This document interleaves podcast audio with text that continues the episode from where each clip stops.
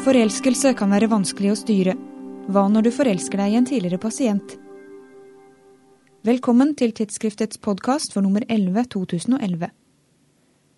Både helsepersonelloven og etiske regler for leger setter klare grenser for legers private forhold til sine pasienter. Men hvordan skal disse reglene oppfattes når lege-pasient-forholdet er avsluttet for flere år siden? Psykiater Karsten Hytten i Rådet for legeetikk har skrevet en artikkel om dette i tidsskriftet. Han sier de etiske reglene for leger er klare når det gjelder private forhold til nåværende pasienter. Der er det sånn at I paragraf 7 i de alminnelige bestemmelsene så står det at en lege ikke må utnytte en pasient. Eh, og Det gjelder verken seksuelt, økonomisk eller religiøst eller på annen måte. Og så står det videre at legen ikke må innlede et seksuelt forhold til en pasient han eller hun er lege for. Og det er jo for å beskytte relasjonen mot ting som ikke skal være der. Og helt grunnleggende så er det jo sånn at legen skal verne menneskets helse, helbrede, lindre og trøste, som det heter. Og det gjør han ikke ved å innlede et privat forhold. Rådet for legeetikk har fått henvendelser fra leger som lurer på hvordan denne regelen skal oppfattes når lege-pasient-relasjonen er avsluttet for flere år siden. Svaret er bl.a. at det vil avhenge av hva slags lege-pasient-forhold det har vært. F.eks.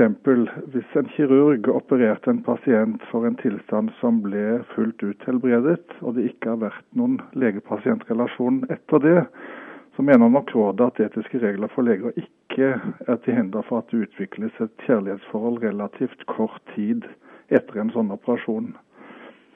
Men hvis det derimot handler om en pasient som har gått i samtalebehandling over tid til en psykiater, så vil rådet fraråde at det innledes et forhold uavhengig av tid. Og så tenker vi nok at mellom disse ytterpunktene av lege-pasient-relasjoner, så vil rådets anbefalinger variere mellom å gi grønt og gult eller rødt lys i forhold til det å utvikle et privat forhold.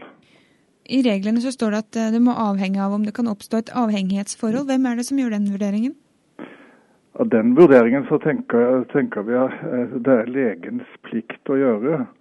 Det er det kun legen som kan eh, vurdere, men eventuelt i samarbeid med kolleger som det går an å snakke med.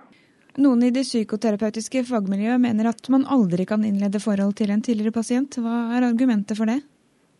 Det er at i et sånt forhold så vil det alltid bli en spesiell følelsesmessig binding mellom pasienten og psykoterapeuten, og et ujevnt maktforhold mellom de to. Samt at pasienten vil bli berøvet muligheten for ny behandling hos legen på et senere tidspunkt hvis legen innleder et kjærlighetsforhold. Og Endelig så kan det jo også være sånn at ved et eventuelt senere brudd i en sånn kjærlighetsrelasjon, så kan det komme en anklage fra pasienten om å ha blitt utnyttet av legen, og det kan legen da ha svært vanskelig for å forsvare seg mot.